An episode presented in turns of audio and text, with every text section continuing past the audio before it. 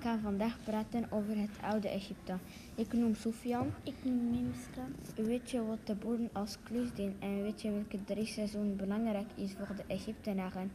En weet je waarom de overstroming belangrijk is? Nee, dus je moet heel goed luisteren. Laten we maar beginnen.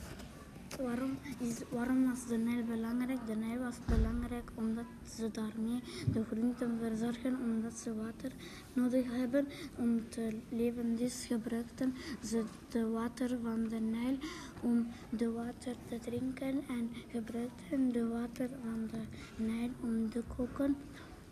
En daar om te afwassen en om te hun kleren te wassen. En hadden ook water nodig voor de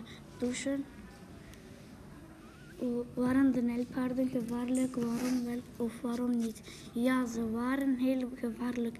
Dus moesten de mensen hen jagen, maar ze werden elke keer gevaarlijk. Door de, het jagen van mensen in vele graven zijn blauwe beel, beeldjes van nijlpaarden gevonden, maar de nijlpaarden vernielden de oudheid en zijn ook vraatzichtig en vernielden ook de vruchtbare gronden.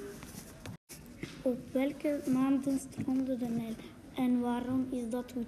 De Nijl stroomde in juni, juli en augustus en dat was heel goed voor de groenten, maar de groenten moesten goed verzorgd worden. Eigenlijk moet in de zaaitijd de groenten in de grond en eigenlijk moest in de oogsttijd de groenten uit de grond uithalen. En wanneer de groenten uit de grond zijn, moesten ze de groenten wassen.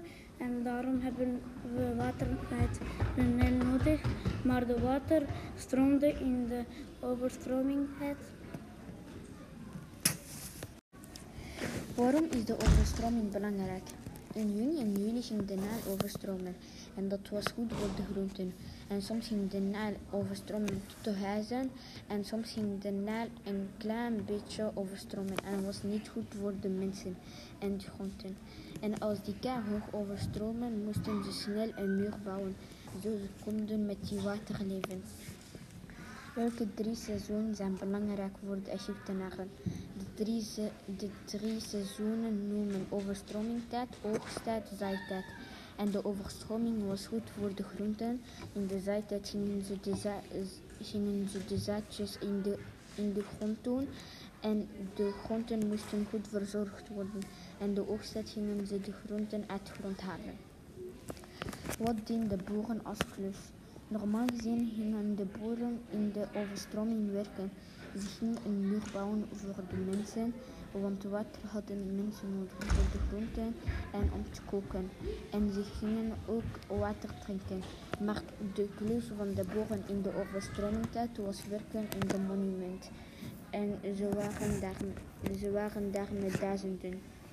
Dit was onze podcast. Hopelijk heb je bij iets bijgeleerd. Tot de volgende keer. Doei.